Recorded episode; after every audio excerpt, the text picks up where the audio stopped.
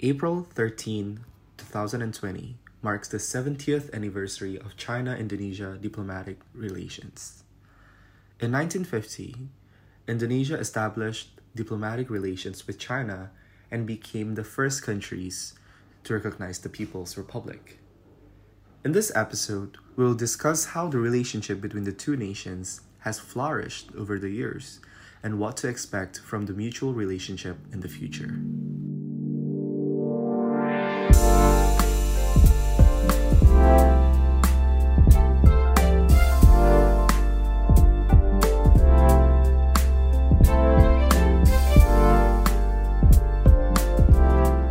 After the establishment of the diplomatic relations between Indonesia and China back in 1950s, the warm friendship between the two countries continues to the 1955 Asian African Conference, also known as the Bandung Conference, as both countries shares the value of anti-colonialism. The spirit eventually resulted in the creation of the non-alignment movement, a movement of 120 developing nations that were not formally aligned to, at that time, in the Cold War era, the Western Bloc and the Eastern Bloc. The Bandung Conference experience is especially close to me because during the China Indonesia Youth Exchange Program 2018, the delegation visited Bandung and paid a visit to the plenary hall of the conference, which now is a museum named the Asian African Museum. The delegation learned about the history of relationship of each other's countries back to the early days of their respective countries' foundings. It is such a shame for me as an Indonesian to have not been able to learn in depth at school about how developing countries were ganging up together against major powers during the Cold War era, which to me is such a cool thing. However, the spirit lives.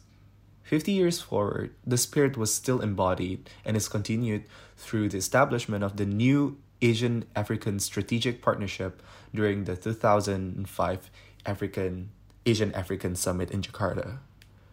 The relationship between developing countries, between China and Indonesia in particular, have evolved throughout the years and have finally taken shape when China launched its 21st Century Silk Road Initiative, formerly known as the Belt and Road Initiative.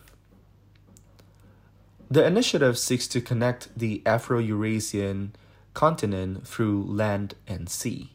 The former is known as the Economic Belt, while the latter is known as the Maritime Silk Road. Indonesia and China are once again crossing each other's path. Chinese President Xi Jinping formally announced the idea of Maritime Silk Road back in 2013 when he was invited to address the Indonesian parliament in Jakarta. Since then, Indonesia plays not only an important actor geographically but also symbolically in China's Belt and Road Initiative. Two ways cooperation has flourished over the past five years, if not more. China's Belt and Road played a role in complementing the then newly announced Indonesia's Global Maritime Fulcrum strategy that sought to increase the connectivity in the archipelagic nation of Indonesia. From high speed railways to seaports to power plants, China's investment in Indonesia has made cooperation possible and resilient even in hard times. Despite issues in the past, such as the persecution of Chinese ethnic and diaspora in Indonesia during Suharto era 1965 to 1998, Suharto's era's policy to deny Chinese ethnic in Indonesia the right to celebrate their culture and learn their mother tongue, as well as suspicion and resentment towards Chinese ethnic and businesses owned by them, the relationship between China and Indonesia today is in the point where it has never been before both Indonesia and China have pledged to respect each other's sovereignty and issues of domestic and internal concerns. As we know, there are a lot of domestic issues in Indonesia and China, respectively, but they agreed to respect each other's sovereignty on issues like that.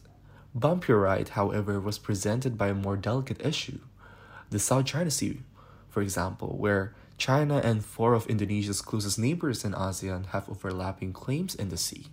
Even then, progress through ASEAN China platforms of dialogue have made possible, have been made possible uh, through dialogues and negotiations.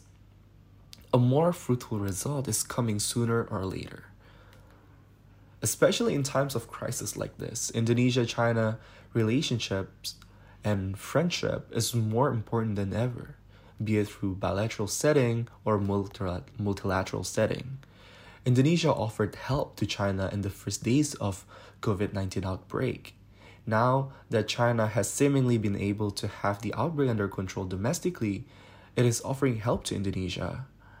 And it is coming in addition to those who have arrived. Through multilateral setting, ASEAN-China engagement was shown through the special ASEAN-China foreign ministers meeting on coronavirus disease that took place in uh, Lao PDR on February 2020.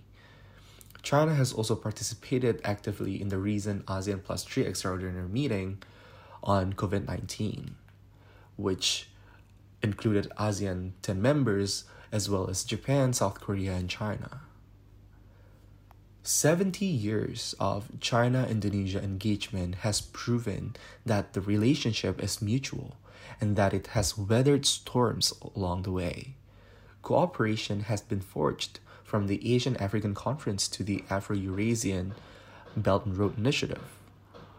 Whatever comes in the way of China Indonesia cooperation in the future, the vision of shared prosperity and solidarity lives.